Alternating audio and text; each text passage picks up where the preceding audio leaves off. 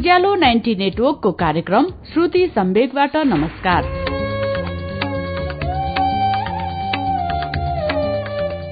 उज्यालो ninety नेटवर्कमा हरेक मंगलबार र शुक्रबार राति सवा नौ बजे कार्यक्रम श्रुति सम्वेक प्रसारण हुन्छ।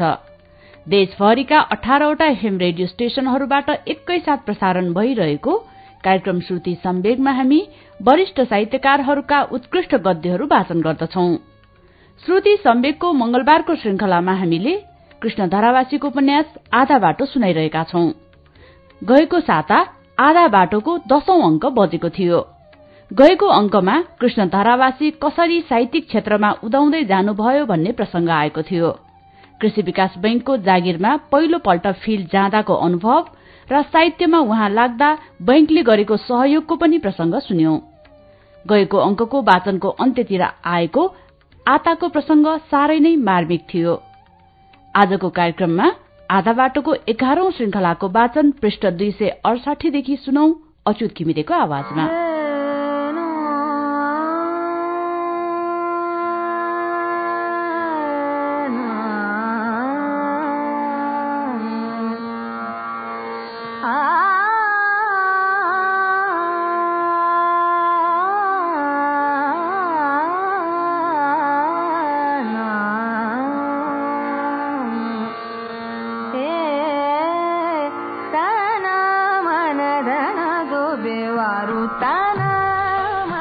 कमी बनाएर तिनी कता गए गए। त्यसपछि पनि म सतारकी छोरी थिएँ र तर त्यस बेलासम्म मेरो पानी चल्थ्यो। सबैले मैले छोएको पानी खान्थे। तर अब त म अछुत भइसकेकी थिएँ। त्यही पिरले मैले त्यो ठाउँ छोडेँ। यहाँ आएर पनि तल कुमार बाबुकोमा जान मन लागेन अनि यहाँ होटलमा भाँडा माझेर बसेको दुई महिना भयो। दिनभरि चिसोमा बसेर भाँडा माझ्दा माझ्दा हेर्नु न हातमा औँलाका काप कापमा पानीले खाएर सबै घाउ भयो। खुट्टा सुन्निएका छन्। अनुहार पनि सुन्निएर डम्म हुन्छ कहिले त। यो छोरी पनि सधैँ बिरामी भइरहन्छे।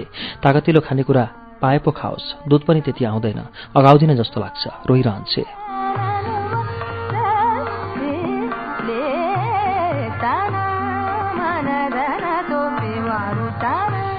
आताको लामो कथा सुनेर म भावुक भएँ। उसको जीवन त उपन्यासै जस्तो पो भइसकेको रहेछ।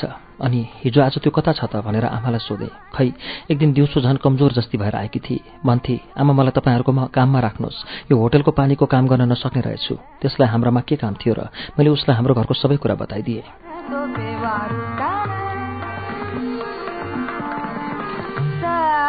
धेरै बेर बसेर आँखाबाट आँसु बगाइरही। दुई तिन खिल्ली चुर खाई। साह्रै माया लाग्यो। तर मैले त्यसलाई मद्दत गर्ने उपाय थिएन।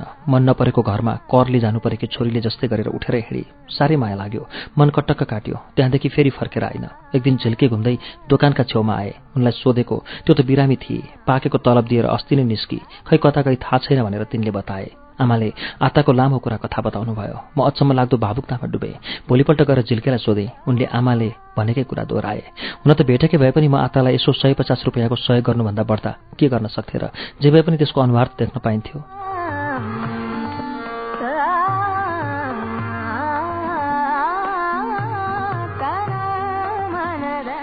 इलामबाट हिँड्ने बेलामा त्यसले भनेका शब्दहरू कानमा झल्झली आइरहेका छन्। त्यसले भनेकी थिए भट्टराई दाजु ल तपाईँ धेरै पढ्नु ठुलो मान्छे हुनु। मधेसमा आउनुभयो भने भेट हुन्छ नै होला। भोलि त म गइहाल्छु। तपाईँलाई निकै दिन पुग्ने गरी मकैको चामल पिँधेर राखिदिएकी छु। हिजै धान पनि कुटेको छ। धानको चामल चाहिँ आफ्नै कोठामा ल्याएर राख्नु। आँखा भरिए जस्ता भए। मन भारी भयो। जीवनमा को आफ्नो को परको? यो नाताको पनि अर्थ कसरी लाउनु? त्यसले मलाई आमाले जस्तै अर्थी दिएकी थिए। मभन्दा चार पाँच वर्ष कान्छी एउटी सानी सतार्ने केटीले मलाई अभिभावकको जस्तो आदेश गरेकी थिए। उसले धेरै पढ्नु ठूलो मान्छे हुनु भनेकी थिए। उसका नजरमा अब त म धेरै पढेको ठूलो मान्छे भइसकेको थिएँ। तर त्यसले मलाई उसले सोचेको ठूलो मान्छे भएको कहिले देख्न पाइनँ। मैले पनि दोहोऱ्याएर फेरि कहिल्यै भेट्न सकिनँ। अत मेरो मनको एउटा कुनामा सदा एउटी काली केटी भएर बसिरहेकी छे।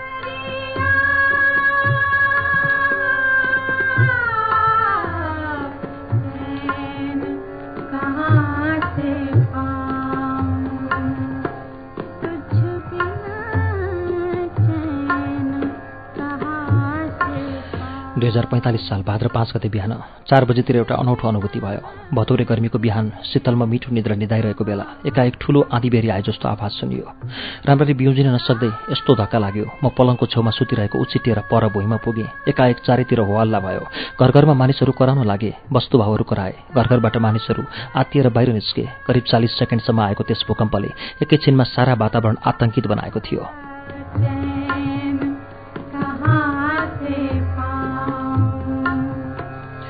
उदयपुरको गाईघाट केन्द्र भएर आएको त्यस भूकम्पले पूर्वाञ्चलमा ठूलो विनाश ल्याएको थियो। उन्नाइस सय नब्बे सालपछि पूर्वाञ्चलमा आएको त्यो सबैभन्दा ठूलो भूकम्प थियो भनेर मानिसहरू भन्थे। त्यस भूकम्पमा सबैभन्दा ठूलो विनाश धरान र फिदिममा भएको थियो। पहाडमा धेरै ठाउँमा पहिरो गएको र घरहरू भत्किएका थिए। तर सघन विनाश भने धरान र फिदिम बजारमा भएको थियो। सबैभन्दा धेरै मानिसहरूको मृत्यु यिनै दुई ठाउँमा भएको थियो। बालक र महिलाहरू अत्याधिक मरेको त्यस महाभूकम्पले एउटा ठूलो प्राकृतिक त्रास उत्पन्न गरेको थियो। छिनछिनमा साना साना भूकम्पका धक्काहरू दुई तिन दिनसम्म पनि आइरहेका थिए। तर मधेसमा भूकम्पले खासै क्षति गरेन। ठाउँ ठाउँमा जमिन फुटेर पानी बाहिर निस्क्यो। ट्युबवेल बोर्डिङ र इनारहरू भत्के केही पुराना घरहरू ढले तर धेरैजसो मधेसका घरहरू खाँबा लगाएका टाढे हुनाले पहाडको जस्तो विनाश भएनछ।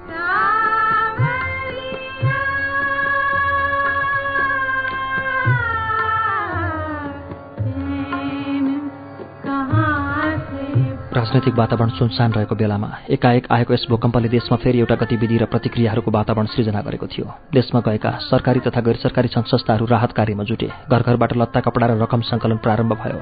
सारा वातावरण भावुकतामय बनेको बेला थियो जो जे दिन पनि तयार थियो। सरकारले राहत कोष खडा गरी रकम सङ्कलन प्रारम्भ गरिसकेको थियो। सामाजिक सङ्घ संस्थाहरूले आफ्नै सक्रियतामा काम थालिसकेका थिए।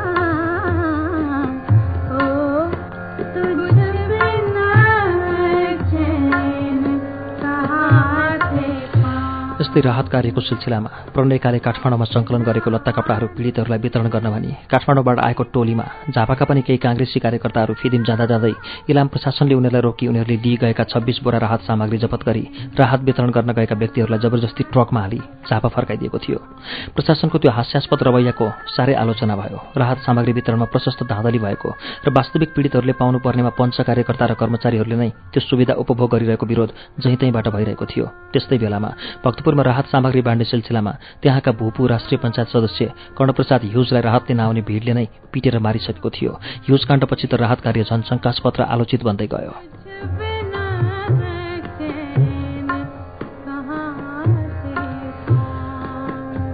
त्यसबेलाका पत्र पत्रिकाहरूले बडा व्यङ्ग्यात्मक रूपमा स्वर्गीय ह्युजको लासको नगर परिक्रमाबारे लेखेका थिए। उक्त लासको नगर परिक्रमामा प्रधानमन्त्री मरिचमान श्रेष्ठ पनि सामेल भई हत्यारालाई फाँसी दिए भनी नारा लगाइरहेका थिए। छापिएको थियो।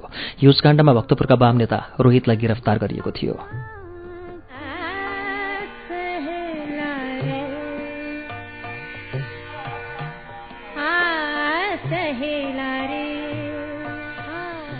श्रावण महिनामै गणेशमान सिंहले मङ्सिरदेखि नेपाली काङ्ग्रेसले आन्दोलन सुरु गर्ने र नेपाली राजनीतिमा यो प्रजातान्त्रिक आन्दोलन अन्तिम आन्दोलन हुनेछ भनी घोषणा गर्नुभएको थियो। त्यसैको सानो प्रयोग जनजागरण अभियानबाट प्रारम्भ भएको थियो जसलाई प्रशासनले व्यापक धरपकडद्वारा विफल बनाउने प्रयत्न गरेको थियो। दसैँ तिहार सकिएर मङ्सिर लागेपछि साँच्चै नै जनआन्दोलनको पूर्वाधारहरू तयार हुन थाले। विरोधी राजनैतिक पार्टीहरूका बीच पनि अन्तर्सम्बन्धक विकास हुन थाले। प्रजातन्त्र प्राप्तिको शर्तमा सबै अन्तर्विरोधहरू छोडेर एक हुनका लागि वाम शक्तिहरू पनि तयार देखिए। नेपाली काङ्ग्रेसको जनआन्दोलनमा आफू पनि सहभागी हुने नेकपा मालेको धारणा आएपछि गणेशमान सिंहले कम्युनिस्टहरू एक मोर्चा भएर आएमा सोच्न सकिने नत्र एक्लै नेपाली काङ्ग्रेस लडाईँको मैदानमा जाने भनेपछि वाम पार्टीहरूले पनि मोर्चा अभियान प्रारम्भ गरे जसको परिणाम सातवटा कम्युनिस्ट पार्टीहरूको एउटा संयुक्त वाम मोर्चा बनाइयो र त्यसको अध्यक्षमा साहना प्रधानलाई तोकियो। संयुक्त वाम मोर्चाका तर्फबाट मनमोहन अधिकारी साहना प्रधान राधाकृष्ण मैनाली आदिहरूको एक मोर्चा कमिटी बन्यो। त्यसैको निर्देशनमा वामपन्थीहरू चल्ने भए।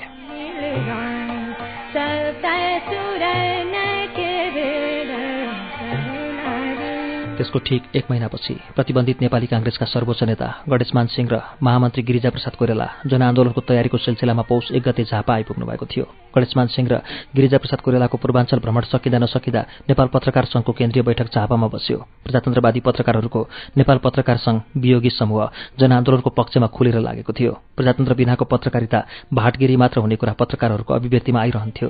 झापाको पञ्चायत प्रशिक्षण केन्द्र कलवलगुडीमा पौष आठ र नौ गते सम्पन्न केन्द्रीय बैठकले एक झापा घोषणापत्र तयार गरेको थियो। संघका केन्द्रीय सभापति गोविन्द वियोगीको सभापतित्वमा सम्पन्न त्यस बेलामा सल्लाहकार हिरणीलाल श्रेष्ठ सदस्यहरू किशोर नेपाल हरिहर बिरई पदमसिंह कार्की विनोदमणि दीक्षित प्रेम कैदी होमनाथ दाहाल सोमनाथ किमिरे रघुपन्त निर्माण नेवा टीआर विश्वकर्मा र शक्ति लम्सालहरूको उपस्थिति थियो। झापाली पत्रकारहरू पनि थुप्रै त्यसमा हुनुहुन्थ्यो। झापा प्रेस क्लबको आतिथ्य सम्पन्न सो केन्द्रीय मिटिङमा राष्ट्रिय पञ्चायत सदस्य तथा पत्रकार द्रोणाचार्य छेत्री पनि उपस्थित हुनुहुन्थ्यो।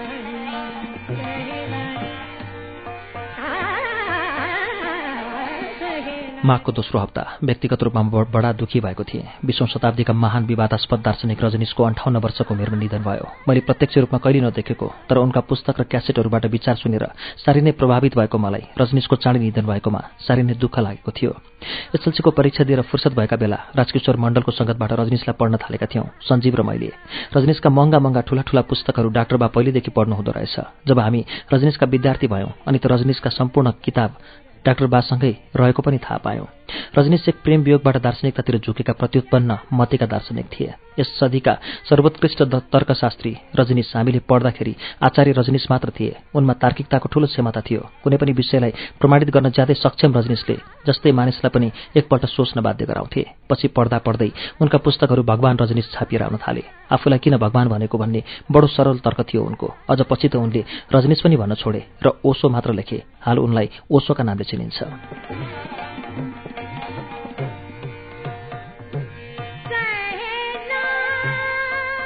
रजनीश जस्ता विद्वान मानिसहरू त्यति चाँडो मरण नहुने भन्ने मलाई लागिरह्यो। साम्यवादको घोर आलोचक र पुँजीवादका समर्थक रहेकाले कम्युनिस्ट संसारमा रजनीश ज्यादै आलोच्य थिए। त्यसबेला कम्युनिस्टहरूका बीच रजनीश पढ्नु वा कुरा गर्नु भनेको स्वत घोर कम्युनिस्ट विरोधी हुनु मानिन्थ्यो। क्याम्पसमा रजनीशकै चर्चा गरे बापत म कतिपल्ट साथीहरूका बीच आलोचनाको शिकार भएको थिएँ। तर मलाई लाग्थ्यो रजनीश धेरै प्रगतिशील दार्शनिक थिए। उनले मठ मन्दिर मूर्ति पूजा तथा कुनै एक खास धर्मको ओकालत गर्दैनथे। उनी हिन्दू मुस्लिम इसाई जैन बौद्ध आदि सम्प्रदायका विरुद्ध थिए र आत्मवाद उनको मूल मन्त्र थियो। आफूलाई हेर आफूलाई चिन आफैमा सबै खाले तत्त्व र शक्ति छ भन्दै योगको बारेमा व्याख्या गरी वैज्ञानिकतासँग शरीर विज्ञानको विश्लेषण गर्दथे।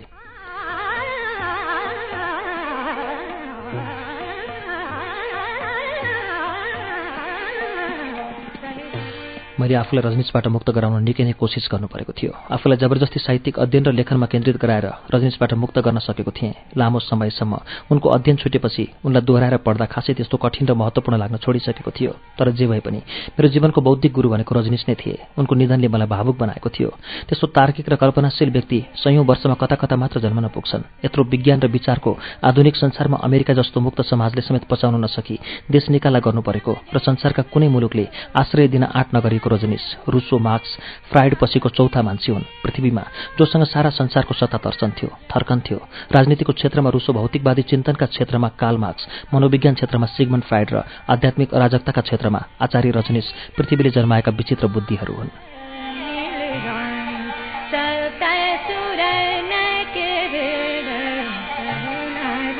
आज पनि मभित्र कतै गहिरिएर खिल चाहिँ रहेको कैयौँ सोच्ने शैली र चिन्तन पद्धतिहरू रजनीश योग्य छन् रजनीशीय छन्। मलाई लीलाबोधको चेतनामा पुग्न पनि रजनीशले मद्दत गरेको थियो। विद्वान इन्द्रबहादुर राईले लीला लेखनको व्याख्या गरिरहँदा म सहजै पहिलेदेखि मलाई थाहा भइरहेको कुरा सुनिरहे चाहिँ लाग्थ्यो। कठिनभन्दा कठिन मानिएका दुर्बोध्य पाठ्य सामग्रीहरू पनि मलाई बुझ्न असहज हुँदैनन् जस्तो आज पनि लाग्छ। रजनीशको प्रभाव आफूमा रहेको स्वीकार गर्दा मलाई गर्व लाग्छ र त्यस्ता व्यक्तिको निधन भएको त्यस साता म मनमा नै अनौठो ढङ्गले दुखित थिएँ। Yavum edo bebeli hayli Yavum edo bebeli हजार छयालिस साल श्रावणमा बिर्तामोडमा उपशाखा कार्यालय खुलेदेखि नै मेरो सरुवा बिर्तामोडमा भएको थियो। प्रबन्धक चुडामणी दाहाल र सहयोगीमा हामी थियौँ युवराज निरौला रामदुलार यादव यमुनालाल कर्ण प्रेम अधिकारी मनो अधिकारी र म फागुनको अन्तिम साता चलिरहेको थियो। जनआन्दोलनले निकै गति लिँदै थियो। अन्तर्राष्ट्रिय महिला दिवस मनाउन बिर्तामोडमा महिलाहरूको ठूलो उपस्थिति थियो।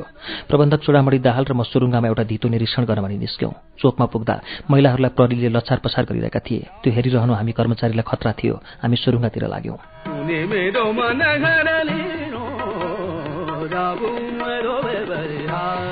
कार्तिकतिर गहुँ खेतीमा कर्जा लिएका दुईजना कृषकहरूले पम्प सेटका लागि पुनः कर्जा माग गरेका थिए। खाद्यान्न बालीमा तीस हजारसम्मका लागि लगानी पूर्व निरीक्षण नगर्दा पनि हुने भएकाले टेबल वर्कबाटै दुईजनालाई छब्बिस छब्बिस हजार कर्जा मल र बिउको कुपन सहित दिएको थियो। गाउँमै त्यत्रो कर्जा लिने कृषकलाई सिँचाइका लागि पम्पसेट त दिनै पर्थ्यो। पम्पसेट गाड्ने ठाउँ हेर्न गएका हामीले तर उनीहरूले दिएको धितो नै भेट्न सकेनौँ। जुन जग्गा उनीहरूले धितो दिएको भनिएको थियो त्यस जग्गाको धनी त अर्कै मान्छे निस्क्यो र उसँग सक्कल प्रमाण पूर्जाहरू थिए। हामी अलमल्ल पर्दै फर्क्यौँ। भोलिपल्ट उनीहरूका फाइल झिकेर सबै कागजात मिलाएर हेर्दा हामी सबै तीन छक्क पर्यौँ। सबै कागजातहरू एउटै व्यक्तिका अक्षरले लेखेका थिए। नागरिकता धनी पूर्जा मालपोत तिरेको रसिद साझाको सिफारिस र मालपोत कार्यालयले गरेको रोगका पत्र समेत हेर्दा सबै सक्कल नै थिए।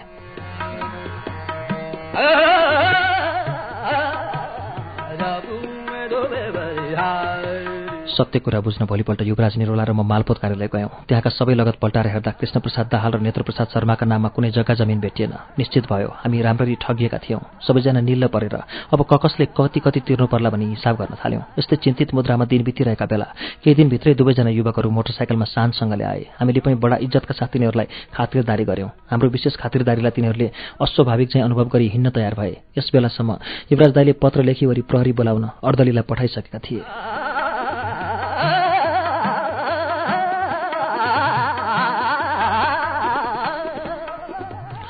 तर कुरा बुझिसकेका तिनीहरू अब जबरजस्ती हिँड्न लागे। जबरजस्ती गर्नेसँग भिड्ने शारीरिक शक्ति त हामी कसैसँग पनि थिएन। हामी सबैमध्ये बलिया थिए प्रेम अधिकारी।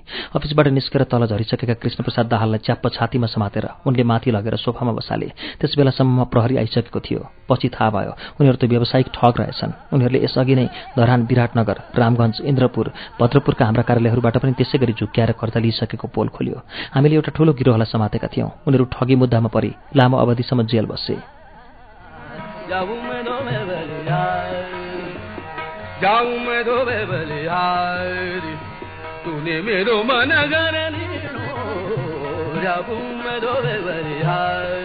दुई हजार सडचालिस साल जेठ छब्बिस गते घरमा दोस्रो छोरो जन्मियो। विवेक छोटै बिमार लागेर सजिलै जन्मिएको थियो।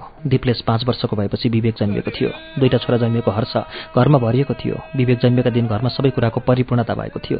बैङ्कको कर्मचारी भएकामा जस्तै आपत अप्ठ्यारो परे पनि पैसाका कारणले असुरक्षित हुनु पर्दैन थियो। उपचार खर्च जति पनि निकाल्न सकिन्थ्यो त्यो केही पनि गर्नु परेन। तर विवेक जन्मिएका दिन हामी सबैले दिप्लेस जन्मिएको कुरा स्मरण गऱ्यौँ मावलकी हजुरआमा सिकिस्त बिरामी भएको खबर आई। आमा राजगढ जानुभएको। बयालिस साल भाद्र दस गति बिहिबार हजुरआमा खसेकाले उहाँले उतै अड्किनु भएको थियो। माइली फुपू र दिदी भिनाजुहरू आउनुभएको थियो। दुई हजार बयालिस साल भाद्र बाह्र गते शनिबार दिउँसो डाक्टर बा कहाँ पुर्यायौँ बच्चा चाँडै जन्मियो तर साह्रै सानो र दुब्लो थियो। बच्चा जन्मिएपछि सबैले बधाई दिए जिस्काए बिरामीलाई घर ल्याइदिएर दिदी भिनाजुहरू घर फर्किए माइली फुपू बस्नुभयो।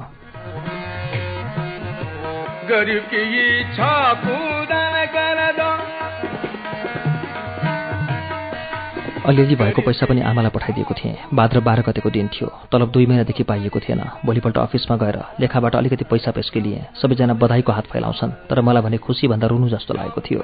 एक त सुत्केरीको स्याहार गर्ने मान्छे थिएन अनुभवहीन थियौँ दुवैजना। अर्को खर्च गर्ने पैसा थिएन। म स्कुल जाँदै अफ पिरियडमा घर आउँदै धावा धावा गर्न लागेँ। त्यसै बेला मलाई प्रेसर लो रहेछ क्यारे। एक रात म सुतेकै ठाउँमा बेहोस भएछु। पछि बिउजदा छाती एकदम अप्ठ्यारो भएको थियो। मुख सुकेको थियो। शरीर एकदम नातागत भएको थियो। आमा हजुरआमाको काम सकेर घर आउँदा म दुब्लाएर हेरिन सक्नु भइसकेको थिएँ। सुत्केरीको न्यु गरी टाउको खाएको गणेश रसिकको गीत पुरै फेल भएको थियो मलाई।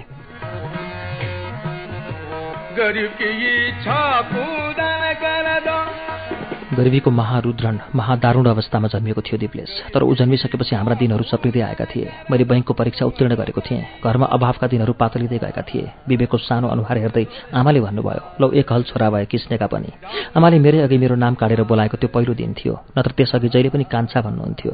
मलाई राख्नुभएको त्यही कान्छा नामलाई नै पछिसम्म लिलकहरूले मलाई बोलाउँदा प्रयोग गर्थे।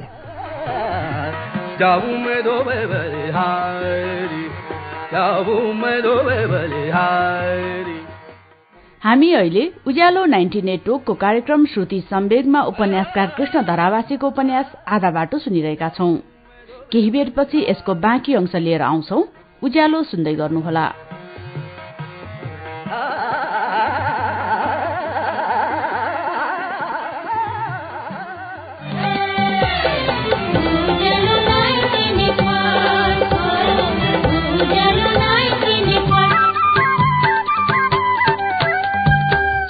कुरा विचार उज्यालो 90 नेटवर्क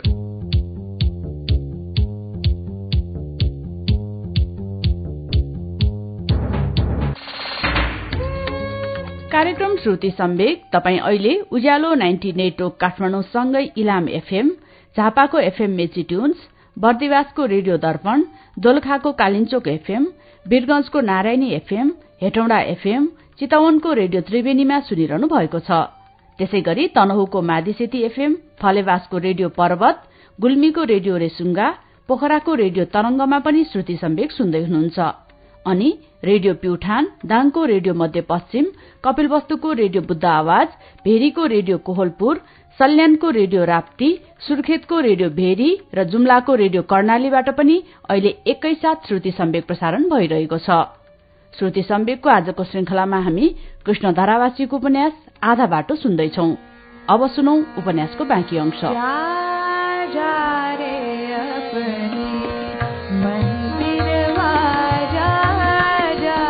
प्रजातन्त्र स्थापनापछि मलाई लाग्न थाल्यो मानिसहरूले बिपी कोरेलाको अधिमूल्याङ्कन गर्न थालेका थिए। बिपीलाई महामानव र देवता जस्तो बनाउन खोजिरहेका थिए। एकातिरबाट जति बिपीको अति प्रशंसा हुन्थ्यो अर्कातिरबाट त्यति नै विरोध र आलोचना हुन थाल्यो। राजनीतिक आलोचना सँगसँगै बिपीको साहित्यको पनि त्यस्तै आलोचना हुन थाल्यो। एकातिर मार्क्सवादी समीक्षकहरूका तिखा आलोचनाहरू थिए भने जनजातिहरूका साम्प्रदायिक आक्रमणहरू थिए। बिपीको उपन्यास सुम्निमालाई जलाउने कामहरू पनि हुन थाले।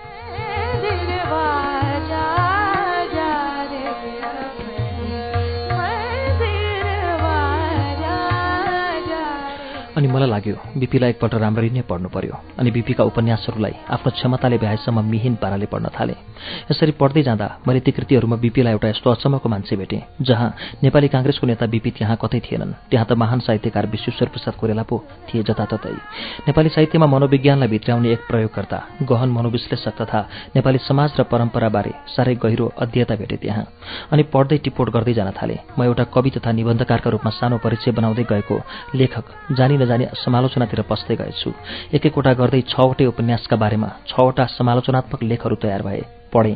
मेरा दृष्टिमा ती छाप्न लायक लागे। यसै बेला दुई हजार अडचालिस सालमा एक सय छब्बिसौँ मोती जयन्तीका उपलक्ष्यमा भदौ उन्तिस गते धुलाबारीमा शासनको प्रतिष्ठानले एक विचार गोष्ठी आयोजना गर्यो जहाँ मलाई विश्वेश्वर प्रसाद कोरेलाको साहित्यमा युग चिन्तन शीर्षकमा एक कार्यपत्र तयार गर्न लगाइएको थियो।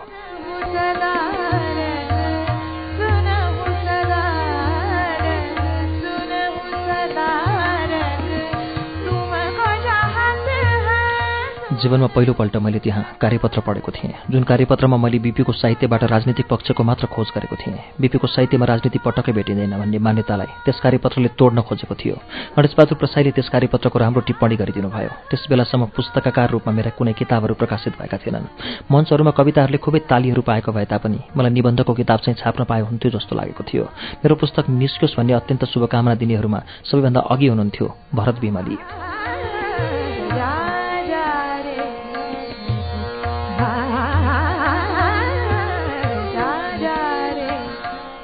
पुस्तक छापिन थाल्यो। अरू पनि साथीहरूले सहयोग गर्न थाले। सोह्र सय रुपियाँ सहयोग जुट्यो। पुस्तकको कभर काठमाडौँबाट दुबस्सुले बनाएर पठाइदिए। टेकबिर मुखियाले बनाइदिएको राम्रो कभर डिजाइनको ब्लक समेत पठाइदिएका थिए दुबस्सुले। त्यसको कति खर्च पर्यो उनले कहिल्यै बताएनन्।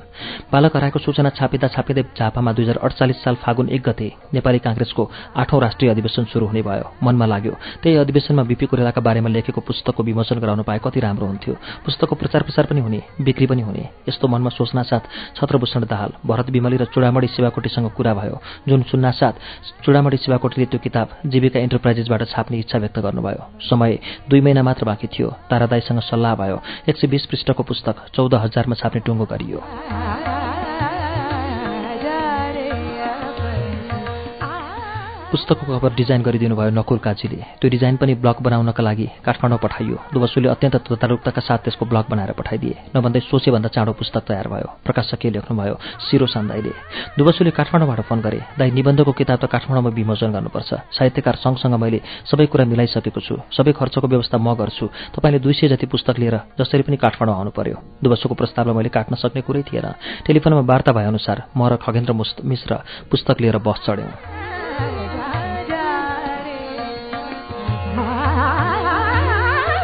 दुबसुले काठमाडौँमा निमन्त्रणा कार्ड छापीवरी बाँडिसकेका रहेछन्। प्रमुख अतिथि वन तथा वातावरण राज्यमन्त्री वीरमणि ढकाल हुनुहुन्थ्यो। विशेष अतिथिमा निबन्धकार कृष्णचन्द्र सिंह प्रधान जगदीश शमशेर राणा हुनुहुन्थ्यो। एप्रोक्सको सभाकक्षमा भएको त्यस विमोचन समारोहमा काठमाडौँका अधिकांश युवा साहित्यकारहरूको उपस्थिति थियो। झापाली साथीहरूको सक्रिय उपस्थितिले कार्यक्रम ज्यादै रोचक र आकर्षक बनेको थियो। काठमाडौँका प्राय सबै पत्रिकाहरूले त्यो पुस्तकको विमोचनको समाचार छापे। कार्यक्रममा वितरण गरिएका पुस्तकहरू महत्वपूर्ण पाठकहरूका हातमा परेकाले आशा गरेभन्दा बढी त्यसको प्रचार भयो। बालक हराएको सूचना नामक त्यस निबन्ध सङ्ग्रहले मलाई एकाएक निबन्धकार बनायो।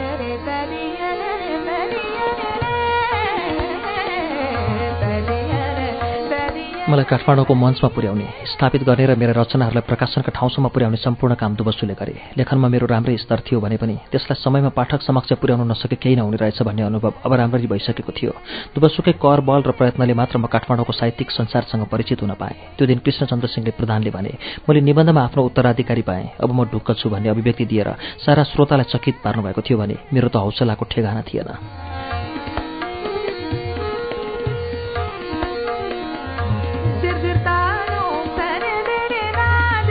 दुई हजार अडचालिस साल माघ तेइस गतेका दिनदेखि नेपाली साहित्यमा एक थप निबन्धात्मक कृति लिएर औपचारिक रूपमा म प्रवेश भएको थिएँ। त्यसैको एक हप्तापछि झापामा विश्वेश्वर प्रसाद कोरेलाका उपन्यासहरू नामक कृतिको विमोचन गर्नु थियो। निबन्ध विमोचनको लगत्तै भोलिपल्ट म झापा फर्केँ। पुस्तकलाई प्रचार प्रसार वितरण आदि गर्नुपर्ने सबै काम भाइदु बसुहरूले नै गरे। फागुन एक गतिदेखि झापा चन्द्रगढीको कलवलगुडीमा प्रशिक्षण केन्द्रको हातामा नेपाली काङ्ग्रेसको आठौँ महाधिवेशन प्रारम्भ भयो।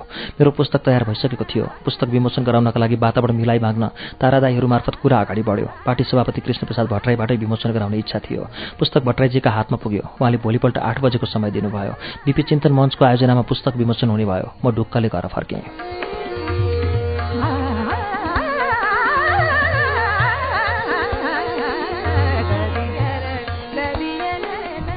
त्यसपछि बडा रमाइलोसँग ठूलो भेलाका बीच भट्टराईजीले मेरो किताबको विमोचन गरिदिनु भयो मेरो नाम पनि कृष्णप्रसाद भट्टराई नै हो भन्ने थाहा पाएर हँसाउँदै भन्नुभयो आज मैले आफैले लेखेको पुस्तकको विमोचन गर्ने मौका पाएँ। यसरी एक साताबीच मेरा दुईवटा पुस्तकहरू बडा हतारका साथ सफलतापूर्वक विमोचन भए। दुवै पुस्तकले आफ्ना क्षेत्रमा चर्चा पाए। विश्वेश्वर प्रसाद कोरेलाका उपन्यासभित्र मात्र केन्द्रित रही प्रकाशित भएको त्यो प्रथम समालोचनात्मक कृति थियो जसको पछि विद्यार्थीहरूले अत्यन्तै उत्साहका साथ पाठ्य सामग्रीका रूपमा प्रयोग गरेर अन्ठाउन्न सालमा त्यो पैरवी बुक्स एन्ड स्टेसनरी सेन्टरबाट पुनर्मुद्रित समेत हुन पुग्यो। सहे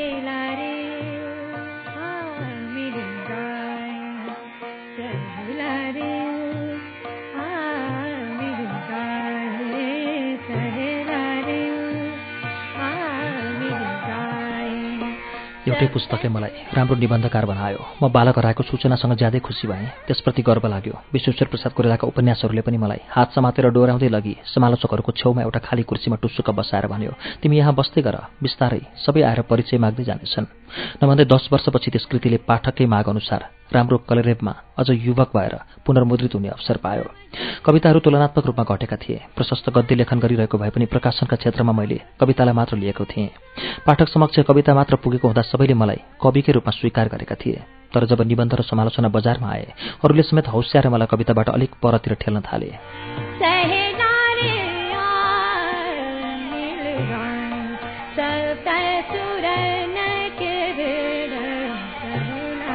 देशको घडीमा बाह्र बजेको छ। हिरा आकाशलाई एउटा चिठी पर्खाल चुइङ्गम कल्की अवतार वर्तमान आवाज सिद्धार्थ गौतम हरिश्चन्द्र गोविन्द वेद जस्ता कविताहरूले पाठकहरूलाई साह्रै नै सन्तुष्टि दिएका थिए तर यता गद्यमा पसेपछि अरू साथीहरू सर मेरा कविताहरूको चर्चा हुन छोड्यो। कवितामाथि हुने समीक्षा समालोचनाहरूमा पनि मेरा कविताका चर्चाहरू हुन छोडे। मलाई एक किसिमको विधागत वियोग उत्पन्न भएको थियो।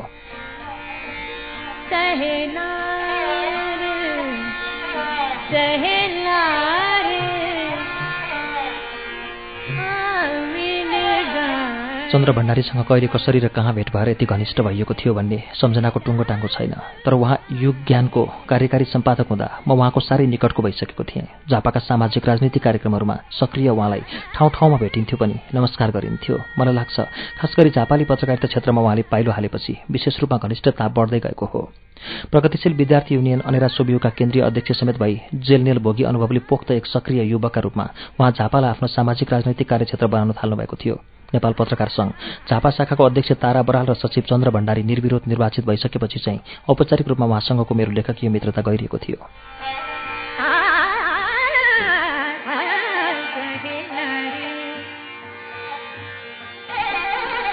मेरो लेखनलाई मन पराउने आलोचना गर्ने सुझाव दिने कहिलेकाहीँ रिसाउने एउटा अनौठो मित्र भन्नुभयो उहाँ। मन नपर्ने कुरालाई ठाडै गाली गरेर थर्र पार्नुहुन्थ्यो। मलाई भरत भुर्तेले त्यसरी नै गोडेर ल्याउनु भएको थियो। तर भरतदाई चन्द्र भण्डारीभन्दा अलिक बेग्लै ढङ्गले प्रस्तुत हुनुहुन्थ्यो। जे होस् समकालीन भएर पनि उमेरले उहाँहरू दुवैको अनौठो प्रभाव छ मलाई। दुई हजार अडचालिस सालपछि भरतदाई काठमाडौँतिर लाग्नुभयो। उहाँलाई रोजगारीकै खाँचो थियो। राजनीतिमा बालकदेखि नै समय बिताएको हुँदा त्यो हाकिम र कारिन्दाको सम्बन्धमा टिक्न नसक्ने स्वभाव बनिसकेको थियो उहाँको। अझ पत्रकारितामा लागिसकेपछि मानिसमा त्यसै आत्मबल र म केही हुँ भन्ने अहम विकसित भइसकेकै हुन्छ। भरदाई सत्याग्रह जनआन्दोलन सबै समय जेल बसेको मान्छे।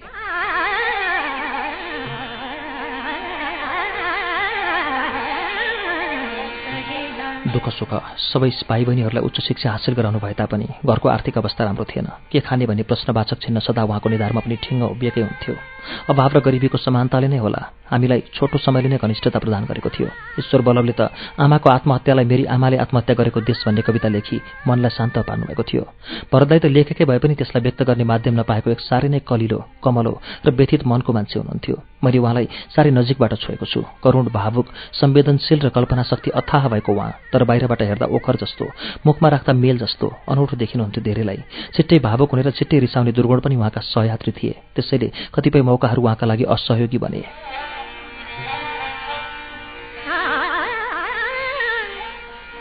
भरतदाई काठमाडौँ गएपछि तारा बराल मेरा घनिष्ठमध्ये एक हुनुहुन्थ्यो। हाम्रो पत्रकारिता यात्रा झन्झन उत्साहजनक भएर गइरहेको थियो। भरतदाईको अनुपस्थितिमा थाहै नभई म बिस्तारै चन्द्र भण्डारीको नजिकमा पुग्दै गएछु। चन्द्रदाईको सङ्गतमा जान मलाई राजनीतिक आस्थाले कहिल्यै बाधा गरेन किनभने हाम्रो मित्रताका बीचमा ती कुराहरू कहिल्यै सान्दर्भिक भएनन्। यही कुरा लागू भयो सिरो शान्तासँग पनि।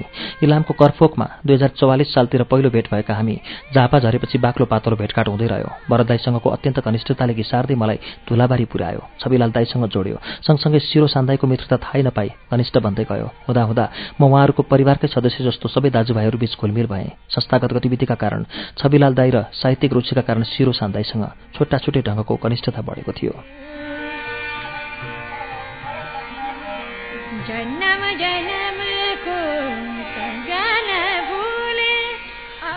दुई हजार उन्चालिस सालमा दुई हजार उन्चास सालमा तारादाई गोर्खापत्रको सञ्चालक समितिको सदस्य बन्नुभएपछि उहाँको काठमाडौँसँग विशेष खाले सम्पर्क स्थापित हुन थालेको थियो। हुन त दुई हजार अडचालिस सालमै उहाँ प्रेस काउन्सिलको सदस्य भइसक्नु भएको थियो।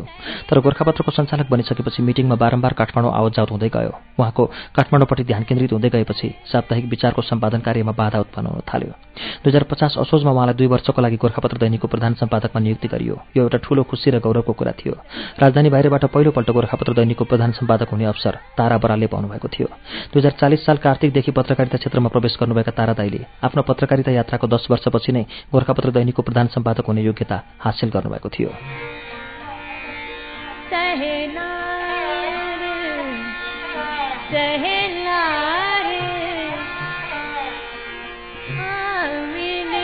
त्यसै बेलादेखि भरतदाईले पनि रेडियो नेपालमा परिवेश कार्यक्रम सञ्चालन गर्न थाल्नुभयो। जनआन्दोलनको लगत्तै पछिदेखि पुरुषोत्तम दाहाल कृष्ण कडेल हरिविनोद अधिकारीहरूको एउटा समूहले रेडियो नेपालमा समाचार विश्लेषणको आधा घण्टे एक घटना र विचार कार्यक्रम सुरु गर्नुभएको थियो। त्यो कार्यक्रम यति स्तरीय र लोकप्रिय भयो कि नेपाली रेडियो श्रोताहरूलाई त्यसले बिबिसीको आजकल कार्यक्रमलाई नै बिर्साइदिन थाल्यो। मानिसहरू साँझ सात बजेपछि रेडियो नेपालका अघि ध्यानावस्थित हुन थाले। पुरुषोत्तम दाहालको अत्यन्त आकर्षक आवाजबाट साह्रै प्रभावित श्रोताहरू हरिविनोद अधिकारीको भाष्यको स्वरलाई पनि पचाउँथे। समाचार विश्लेषणमा धेरै हदसम्म निष्पक्षता देखाउने प्रयत्नका कारण सबै विचारका श्रोताहरू त्यस कार्यक्रमका फ्यान थिए।